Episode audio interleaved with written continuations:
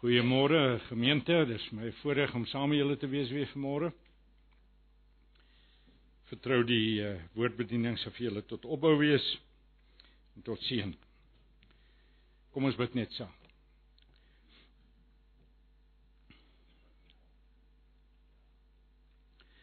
Allerhoogste God van hemel en aarde.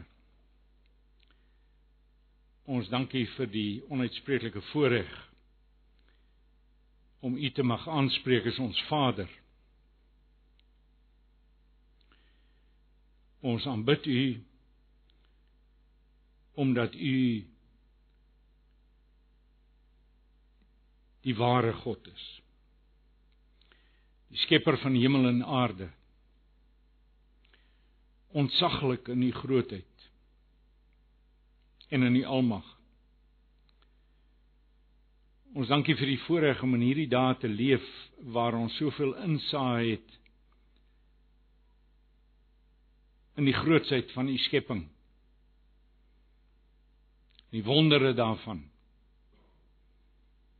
Sowel die makroskepping as die mikroskepping.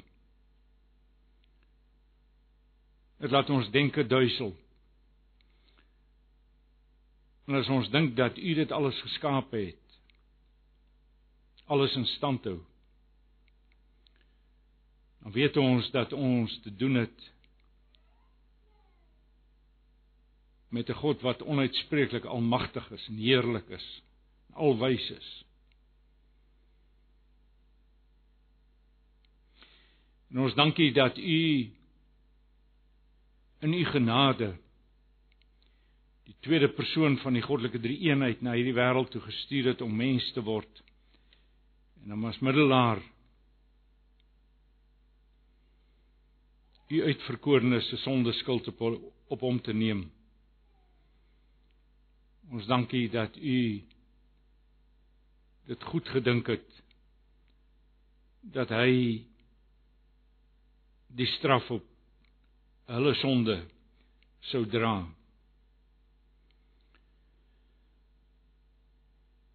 Ons dankie vir sy gehoorsaamheid en sy heiligheid. Ons dankie dat ons sondeskuldes aan hom gedebiteer is. En dat sy heilige geregtigheid aan elkeen wat in hom glo gekrediteer is. Ons dankie vir die wonder van regverdiging deur die geloof alleen. Sodat elke man en vrou en kind wat hier teenwoordig is, wat met hom verenig is deur ware geloof in u boeke die status het van 'n man of 'n vrou of 'n kind wat nooit gesondig het nie. Trouwens wat u wet volmaak onderhou het. Dankie vir die regverdiging deur die geloof alleen. Maar nou is ons ook pynlik bewus daarvan Here dat ons heiligmaking nog nie is waar ons regverdigmaking is nie.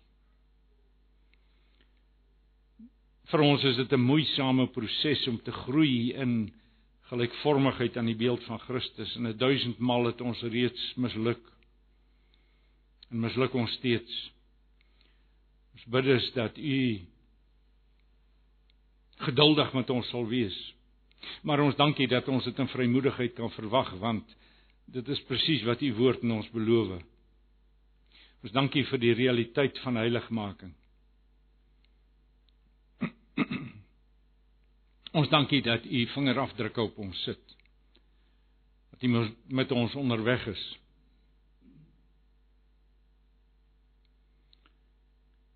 Ons dankie vir die wonder van die wedergeboorte. Vir die wonder van die nuwe skepping. Ons dankie vir u genade, u liefde, u trou. Onse Vader, ons is nou vanmôre hier saam om na u woord te luister.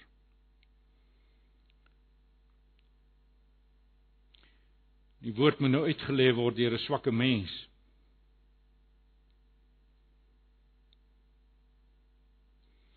En dit kan net gebeur as u Heilige Gees het sy die spreker, het sy die hoorders sal verlig vanmôre.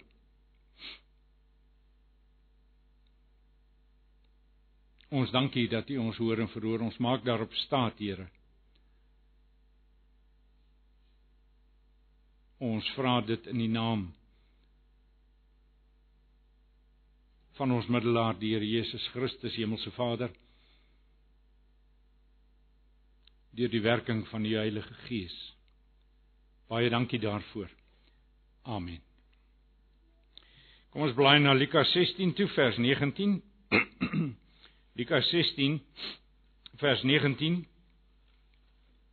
gaan oor die ryk man en Lazarus. Lukas 16 vers 19 en volgende verse.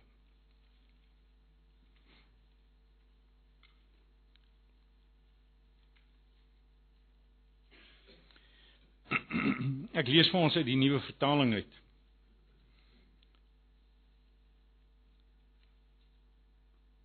Die Fariseërs was baie lief vir geld. En toe hulle al hierdie dinge hoor het hulle hom beledigend uitgelag. Ehm um, mag ek net verwys na die voorafgaande verse want hy praat hier van die skrif praat hier van hierdie dinge wat hulle hoor. Wat is dit wat hulle gehoor het? Wel, u sal sien die voorafgaande is die gelykenis van die oneerlike bestuurder. En wat Jesus dan so afsluit, julle kan nie God en Mammon dien nie. Julle kan nie God en Mammon dien nie.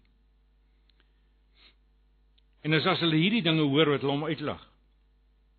Want die meeste van die Fariseërs, ek vel myself in die rede verskoon my, maar was baie welvarend geweest. Goed, dan gaan ek aan met vers 15. Hy sê toe vir hulle: "Julle is die wat julle voor die mense as goeie mense voordoen. Maar God ken julle harte. Wat deur die mense as belangrik beskou word, is 'n gruwel voor God." Tot op Johannes was dit net die wet en die profete. Van toe af word die koninkryk van God verkondig en elkeen probeer so hard as hy kan om daarin te kom. Tog is dit makliker vir die hemel en die aarde om te vergaan as dat een lettertjie lettertjie van die wet verval. Elkeen wat van sy vrou skei en met 'n ander een trou, pleeg egbreek en iemand wat met 'n geskeide vrou trou, pleeg ook egbreek. En dan kom hy by die gelykenis waarna ons gaan kyk vanmôre, die ryk man en Lazarus. Daar was 'n ryk man wat duur en deftige klere gedra en elke dag feestelik en weelderig geleef het. En daar was 'n arme man met die naam Lazarus wat by die deur van die ryk man gelê het in in die hoop dat hy van die oorskiet van die ryk man se tafel te ete sou kry. Hy was oortrek van die swere en selfs die honde het daarin kom lek. Toe die arme man te sterwe kom, is hy deur die engele weggedra na die ereplek langs Abraham. Die ryk man het ook gesterwe en is begrawe.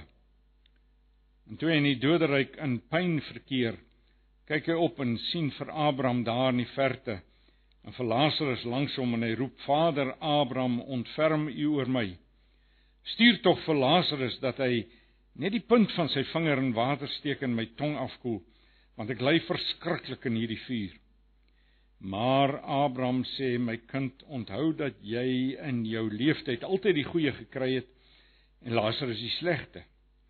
Nou gaan dit hier goed met hom, maar jy word gepynig. En buitendien is daar 'n groot kloof tussen ons en julle. Sodat die wat hiervandaan wil oorgaan na julle toe nie kan nie en die wat daar is ook nie na ons toe kan oorkom nie. Toe sê hy: Ek smeek U dan Vader, stuur hom tog na my pa se huis toe. Ek het nog 5 broers. Laat hy hulle dringend gaan waarsku sodat hulle nie ook in hierdie plek van pyniging beland nie. Maar Abraham sê hulle die woorde van Moses en die profete laat hulle daarna luister. En hy antwoord egter: Nee Vader Abraham, daar's iemand uit die dood as iemand uit die dood uit na hulle toe gaan, sal hulle wel bekeer. Maar hy sê vir hom: As hulle na Moses en die profete nie luister nie, sal hulle nie oortuig word nie al sou iemand uit die dood opstaan. Dis opvallend hoe dikwels die Here Jesus in sy gelykenisse twee karakters teenoor mekaar stel, twee uiterste karakters teenoor mekaar stel. Dink maar aan die Fariseer en die tollenaar. Of dink aan die vader se oudste en jongste seun. In hierdie gelykenis sien ons miskien nog duideliker as op enige ander plek twee teenoorstaande karakters. Die ryk man en Lazarus. Ons kan beswaarlik aan twee meer uiteenlopende persoonlikhede dink, is dit nie so nie? Een is baie ryk en die ander is afstootlik arm. Een het 'n weelderige lewenstyl en die ander een is 'n hulpelose bedelaar. Verhonger, oortrek van sere en so swak dat hy dat die honde sy sere moet kom lek.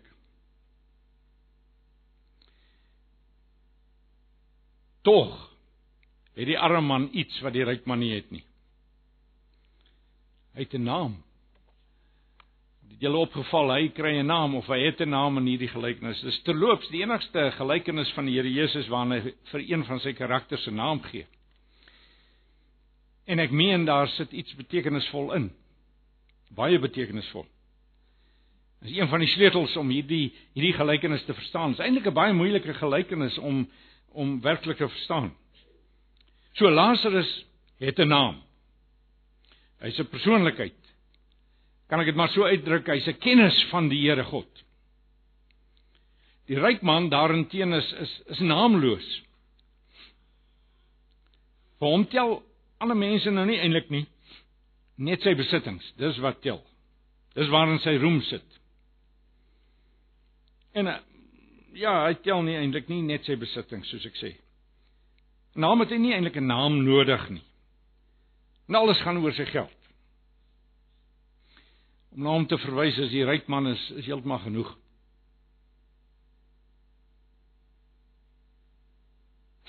Lazarus is egter anders. Iemand ken hom goed en het 'n uh, hy het 'n naam nodig. Wie is hierdie iemand? Wel Jesus gee vir ons die sleutel in die naam self. Die naam beteken die een vir wie God help. Dis sy naam. Nou onthou hierdie is 'n is 'n gelykenis. Dis met ander woorde 'n verhaal wat die Here Jesus vertel om 'n punt tuis te bring, om 'n les te leer. So is baie duidelik dat die Here God wat vir hom 'n naam gegee het, die een vir wie God help, dat God begaan is oor hom. God het empatie met hom. Hierdie man het 'n baie duidelik 'n persoonlike verhouding met die Here. 'n persoonlike verhouding met die Here. En dan het hy 'n naam nodig. Uh baie ellendelinge soos hy verwyd God vir hulle armoede. Dit sal ons weet. Hulle is kwaad vir God, sogenaamd. Uh dis kwansuis hy hy wat agter hulle swaar kry sit en opstand en vloektaal kom uit hulle mond uit en uit laarte uit teenoor hom. Maar in Jesus se storie, hierdie verhaal wat hy vertel, is daar nog 'n verskil tussen hierdie twee mans, 'n baie meer diepliggende en permanente verskil. Want jy sien, dit blyk duidelik uit hierdie gelykenis dat hierdie twee manne twee verskillende, radikaal uiteenlopende bestemmings het. 'n Verskil soos dag en nag. Soos die hemel en die hel. Want die ewige man verskoon my, vergewe my broers en susters dat ek nou so oor my woorde val. Die ryk man eindig in die hel. In die verdoemenis. En baie duidelik eindig Lazarus se lewe loop uit op die ewige saligheid. Oor die ryk man eindig in die hel oor net een rede en dis sy sonde. Dis die enigste ding wat 'n mens in die hel laat beland, sonde. Maar nou is die vraag, wat was sy sonde? Baie mense reken as omdat hy ryk was. Dit is so dat die Here Jesus sê 'n ryk man kom moeiliker in die hemel as wat 'n as wat 'n kameel deur die oog van 'n naald gaan. En dan sê die disippels vir hom maar maar maar wie kan dan gered word? Dan sê hy wel by die mense is dit onmoontlik, maar by God is alles moontlik. En per implikasie dus beteken dit 'n ryk man kan ook gered word. Trouwens, as ons die Ou Testament lees, dan sien ons heelwat ryk mense daar. Dink net maar aan Abraham was self was 'n baie ryk man en en en dink maar aan Job was 'n baie ryk man. Na sy die beproewing het hy twee maal meer besit as van tevore. Dawid was verseker 'n ryk man as koning van Israel en so kan ons aanhou. So rykdom op sigself is nie diskwalifiserend nie. Dit is wel gevaarlik, uiters gevaarlik. Maar uh dis op sigself nie diskwalifiserend nie. En Jesus gee ons geen aanleiding om te dink dis oor hierdie man se geld dat hy in die ewige verdoemenis beland nie. Miskien het hy sy geld met harde werk verdien. Miskien het hy geërf. Maar miskien het hy sy geld op 'n baie legitieme wyse bekom. So soos Lazarus en hier is nou 'n belangrike punt, soos Lazarus se armoede nie vir hom die ewige saligheid bewerkstellig het nie, het hierdie ryk man se rykdom nie meegebring dat hy in die ewige verdoemenis beland nie.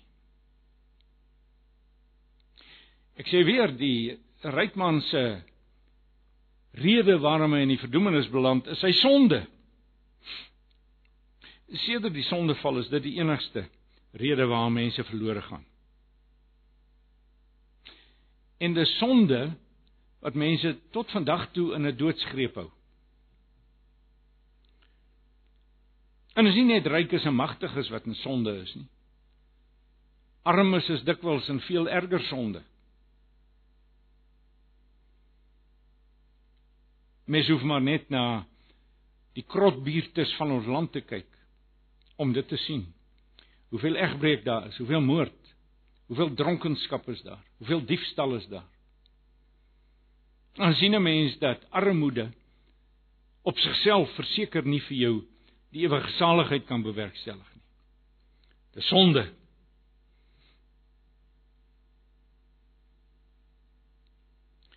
Nou in die gelykenis as die ryk man besef hy kan sy lot nie meer verander nie, dan dink hy aan sy vyf broers soos ons gelees het. Hy besef die uiters belangrike saak is dat jou ewige bestemming in hierdie lewe voor jou dood uh bewerk word, bewerkstellig word, bepaal word. En daarom wil hy hulle betyds laat waarsku. Want hy weet laard is net so hard so syne en net so dood so syne. So hy reken as iemand uit die dood sal opstaan en hulle gaan waarsku, dan sal hulle verseker luister. Maar dan word daar vir hom gesê nee wat, dit sal ook nie help nie. Dit laat mense dink aan een van die mees militante ateïste van die vorige eeu, Bertrand Russell. Sommige van julle het al met hom te doen gehad. Baie geniale man wat in Engeland geleef het. Hy het gesê wel hy was 'n ateïs. As God my sou ontmoet en as hy homself vir my sal wys, sal ek glo dat hy lewe.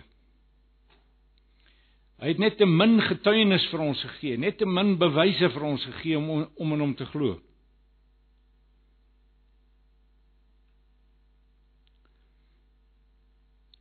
Nou Dis nie die punt is die Here gee nie vir ons bewyse om te glo nie. Hy gee nie vir ons bewyse nie. Ja, ons redeneer so.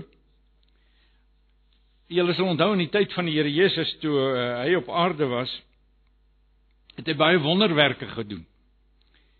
En die sensasiebeluste massas het agter hom aangeloop by die duisende. Het hulle hom agter hom aangeloop. Maar dit julle al opgeval toe hy gekruisig is, hoeveel van hulle was nog steeds getrou aan hom? amper niemand van hulle. Trouens op die Pinksterdag was daar maar 'n handjievol bymekaar in gebed na die kruisiging. Klompie disippels en 'n klompie vrouens en dit was dit. So wonderwerke het niemand na hom toe gelei nie. Niemand het hom laat glo nie. Nou wat bring dan geloof mee in 'n mens?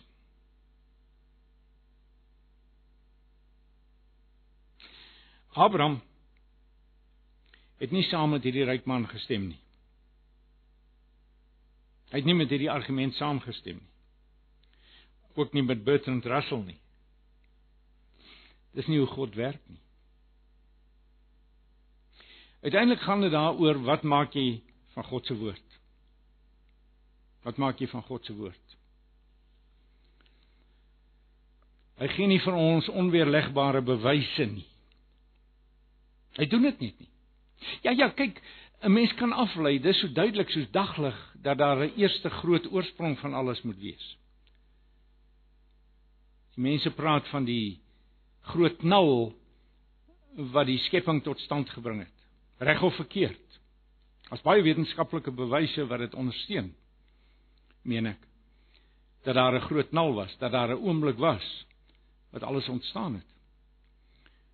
Maar maar wie het daardie wat kan mens dit noem? Partikel dan daar gestel. Wie die knal veroorsaak.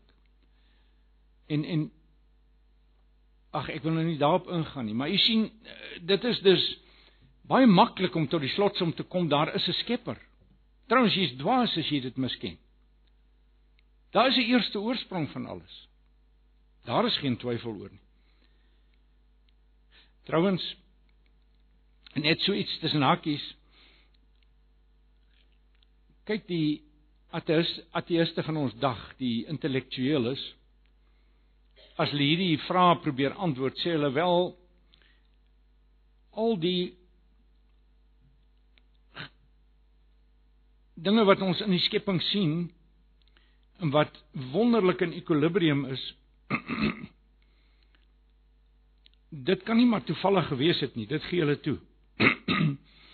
Die moontlikheid dat al hierdie dinge in ekwilibrium is in die skepping want as daar iets minder van is of iets meer van is dan dan raak die skepping onmoontlik.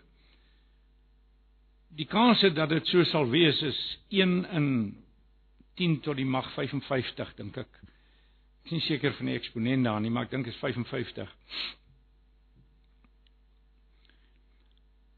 en en hoeveel is dit sê nou maar jy sou die FSA vat. En dis 'n enorme groot land.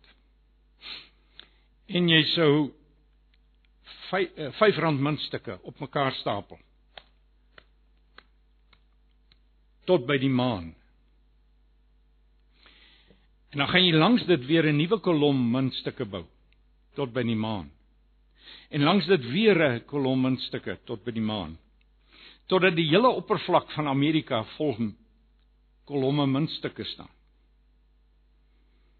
Dit is omtrent 10 tot die mag 55.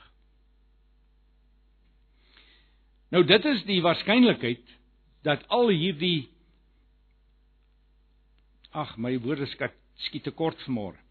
Maar dat al hierdie dinge toevallig in ekwilibrium is in die skepping en die kosmos. Nou kom die ateëste en dis die storie wat ek wil vertel. En hulle sê daar moet dus oneindig baie kosmosse wees. Sodat hierdie waarskynlikheid 'n realiteit kan wees. En nou is dit net so dat hierdie kosmos waarin ons leef is nou daardie kosmos waar alles in ekwilibrium is.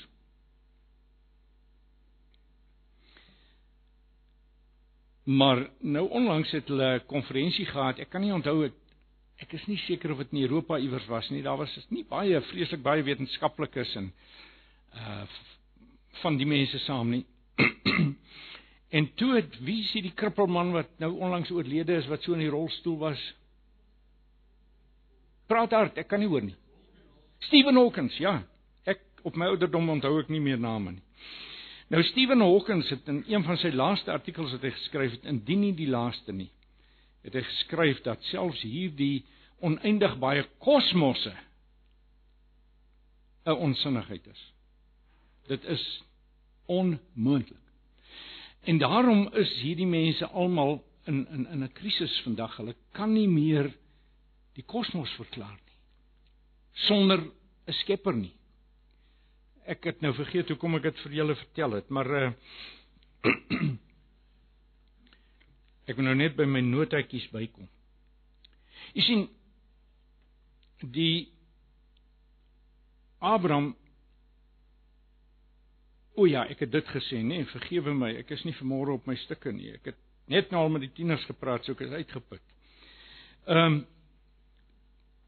Jy sien, die hele ding is Abraham stem nie saam met hierdie argument nie. Dis nie hoe God werk nie. Hy oop oorrompel nie mense met sy wonderwerke en hy veegel nie in die koninkryk in voordat hulle tot ver, in verbuistering tot verbasing kom nie. Hy gee nie vir ons onweerlegbare bewyse sodat ons in hom sal glo nie. Nee nee, alles hang af van wat ons met God se woord doen met Moses en die profete. Hierdie laaste paar verse bevat eintlik die sleutel om hierdie gelykenis te verstaan. En twee keer daar praat hy dan in vers 29 en in vers 31 van Moses en die profete. Dis maar die manier destyds gewees om na die Ou Testament te verwys. Moses en die profete. En is presies op hierdie punt wat die ryk man en Lazarus se paaie uitmekaar uitgaan. Want die ryk man het hom nie gesteer aan Moses en die profete nie. En daarom het hy net besittings bymekaar gemaak. Maar Lazarus het erns gemaak met Moses en die profete. In sy uiterste armoede het hy eintlik vasgehou aan die Here. Dis hoekom hy 'n naam gehad het. Die Here het hom geken en hy het die Here geken.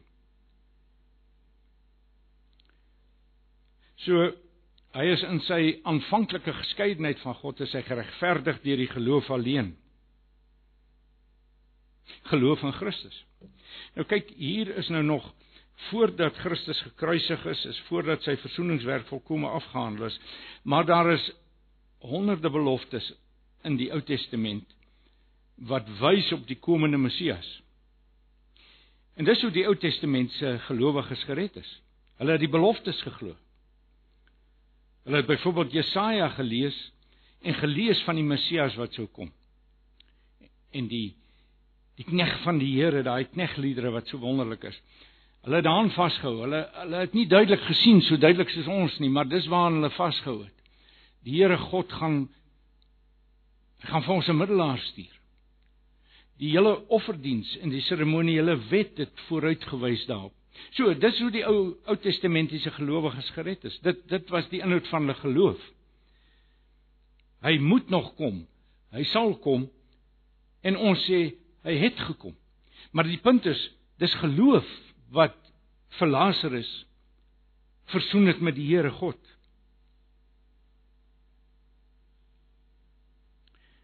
So ons moet dus verstaan die ryk man is nie verlore omdat hy ryk was nie.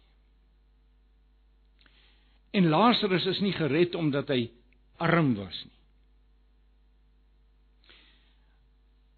Lazarus is gered omdat hy hom gesteer het aan God se woord.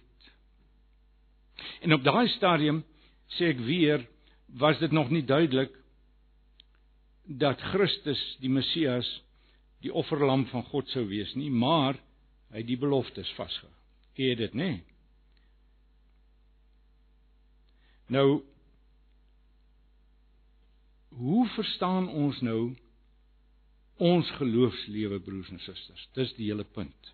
En ek dink dis die toepassing van hierdie van hierdie gedeelte. Ek het baie geworstel met hierdie gelykenis. Dit lyk vir my Dit gaan oor geloof. Dis reg. Maar geloof is nie net om 'n ortodokse stel oortuigings te hê nie. Dit is om werklik jou oë vas te naal op Jesus Christus en om aan hom te hang en om hom te vertrou. Ek dink dit is die, die hele punt. Is niks niets wat ek vir u vanmôre sê nie, maar dit is duidelik word dit hier net weer vir ons beklemtoon. Ons kan baie regsinnige antwoorde gee as ons vra wat geloof is en wie Christus is ensovoorts. Ons kan die belydenis skrifte alles seepglad opsê. Maar dit is op sigself nog nie genoeg nie. As ons saligmakende geloof het, dan is Jesus Christus nie net 'n objek in wie se feitelikheid ons glo nie. Dit is 'n persoon wat gekruisig is aan wie ek hang vir lewe en dood vir tyd en ewigheid. Jy sien, dit is die dit is die hele saak. En nou kom die vraag na ons toe, is dit hoe ons geloof is? Jy sien, verstaan ek dit? Beleef ek dit so? Kom jy dag en dag na dag weer voor die Here en en is dit jou belewing? Jesus Christus is my middelaar. Hy's my alles. En nou soos ek net nou vir julle gewys het, kom die Here Jesus in hierdie gelykenis en hy praat twee keer van Moses en die profete. Nou wil ek onmiddellik toegee as hy praat van Moses en die profete, dan en ek het dit so hanteer tot nou toe, gaan dit eintlik oor die Ou Testament. En as hy van Moses praat, gaan dit veral oor die seremoniele wet. En die seremoniele wet het alles na Christus verwys. Die profete het oor Christus gepraat. Maar ek dink tog die Bybel gee vir ons rede om ook na Moses as man te gaan kyk en na Moses se geloof te gaan kyk. En nou verwys ek u na Hebreërs hoofstuk 11 toe. Daar sê julle weet is 'n galery van geloofshelde in die Ou Testament. En kyk nou wat word van Moses gesê en hoe het hy sy geloof uitgeleef en beleef. Ek lees vir ons hier van vers 23 af van Hebreërs 11.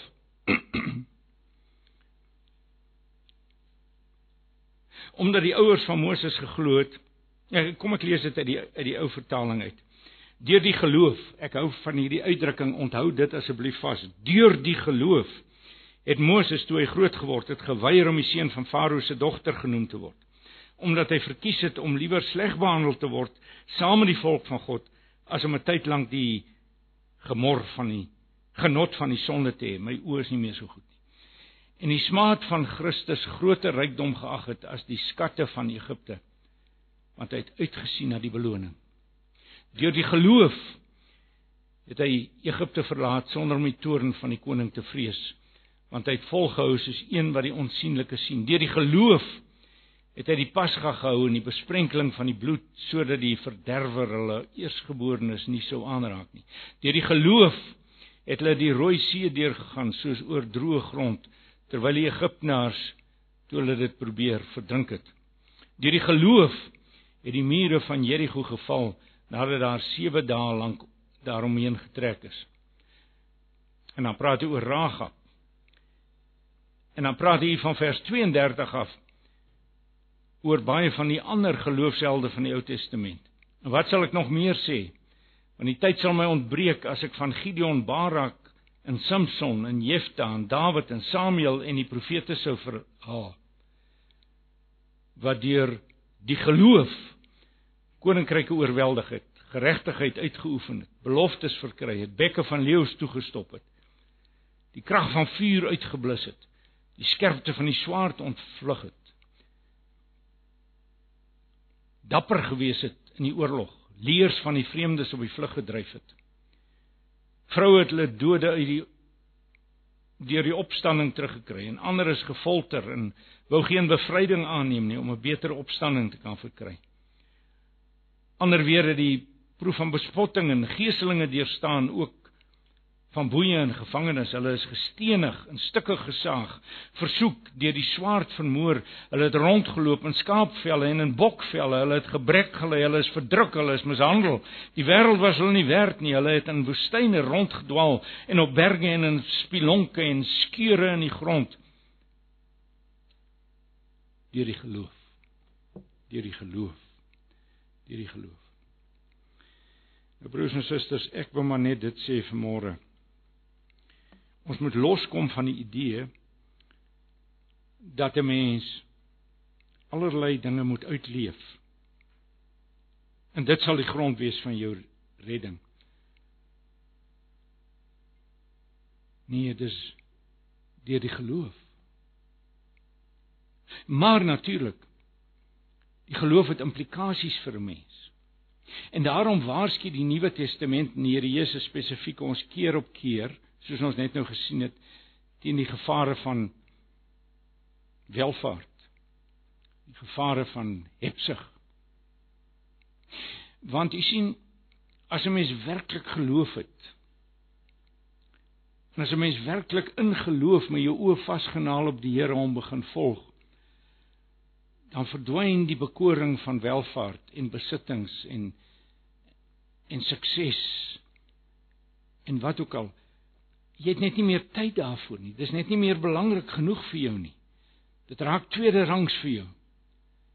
Want jou oë is op hom vasgenaal. Jy wil hom dien, jy wil hom volg, jy wil hom verheerlik. En dis vanuit dankbaarheid vir wat hy gedoen het. En ek dink dit was die verskil tussen die ryk man en Lazarus gewees. En dan moet ons onsself natuurlik dadelik gaan spieël in hierdie in hierdie waarheid. Ons moet onsself afvra waar staan ek? Is Christus die een en die al van my lewe? Want jy sien, dis die inhoud van geloof. Geloof is nie om 'n stel oortuigings te hê nie. Geloof is nie om die Heidelbergse katekismes van A tot Z te kan opsê nie. Geloof is om met jou tande aan Christus te hang. Dag na dag. Elke keer as jy bid, as jy die woord lees, dat Christus sentraal is. Geloof word dan beheersend in jou lewe. En die inhoud van geloof is Christus. Die persoon van Christus as middelaar as hoëpriester as koning hom wil jy verheerlik. Dis die hartstog van jou lewe. Dis geloof. Dis geloof.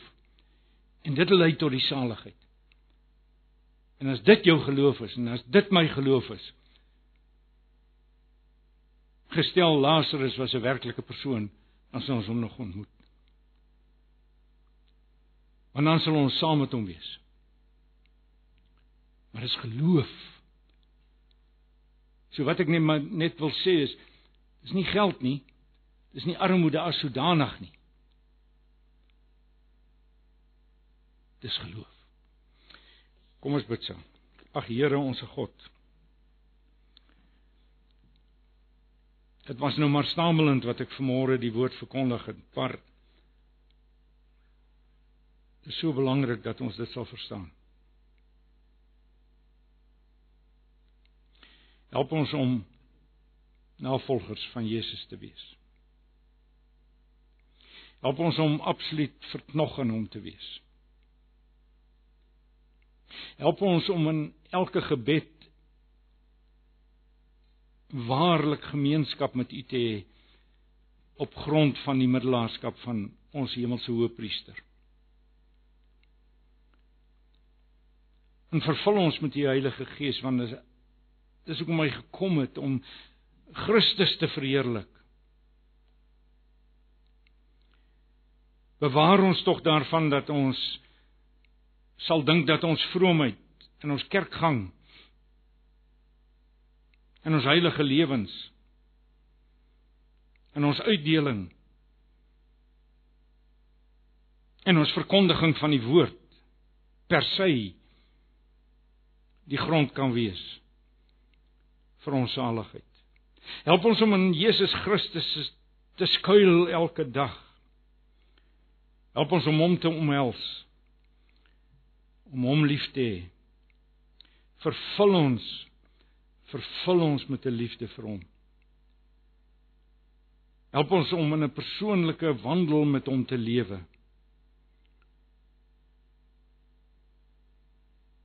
Ons dankie vir 'n volmaakte middelaar.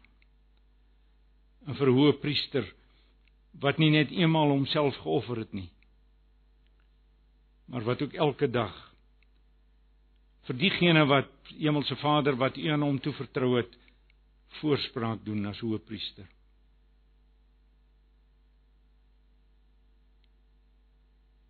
Help ons om in die volste sin van die woord waarlik waarlik kinders van God te wees. Nie net Sondag nie. 7 dae week. In ons werk.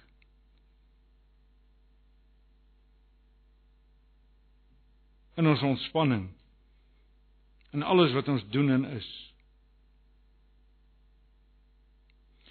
Mag ons in die volste sin van die woord waarlik navolgers van Jesus Christus wees. Omdat by hom en by hom alleen die ewige lewe is. In hom alleen die ewige saligheid. Dankie dat U ons hoor en verhoor.